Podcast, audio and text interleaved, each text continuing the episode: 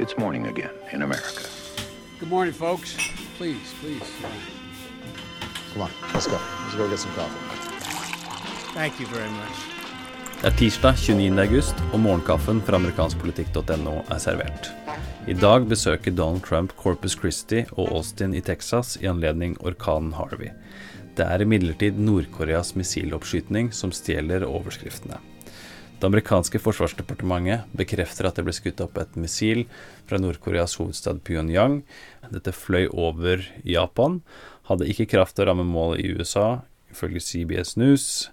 President Trump skal da ha snakka på telefon med statsminister Shinzo Abe i Japan og fortalt ham at USA står 100% bak Japan. De er enige om å legge mer press på Nord-Korea. Og USA, Japan og Sør-Korea har nå bedt om et krisemøte i FNs eh, sikkerhetsråd, og de trer sammen senere i dag. Det er imidlertid ikke den eneste saken som uh, bør få litt oppmerksomhet i dag. Trump-advokaten Michael Cohen, som har vært ved Trumps side i mange, mange år, skal ha kontakta Putins personlige talsmann om et Trump Tower-eiendomsprosjekt i Moskva, eh, og Cohen skal da ha bedt om hjelp til å få det i gang. og Det er da ifølge e-poster som er overlevert til etterforskere i Kongressen, som ser nærmere på denne Russland-saken, og hva Russlands rolle var i fjorårets valgkamp.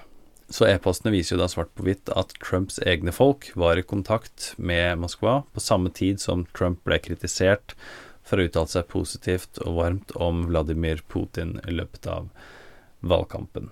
Cohen har selv erkjent innholdet i disse e-postene, eh, men sier at det aldri ble noe av eh, prosjektet, at det aldri ble noe møte, eh, at han ikke hørte tilbake fra Moskva, og at han skrinla hele saken i januar 2016. Kritikerne påpeker jo da at da hadde Trump allerede vært presidentkandidat i et halvt år.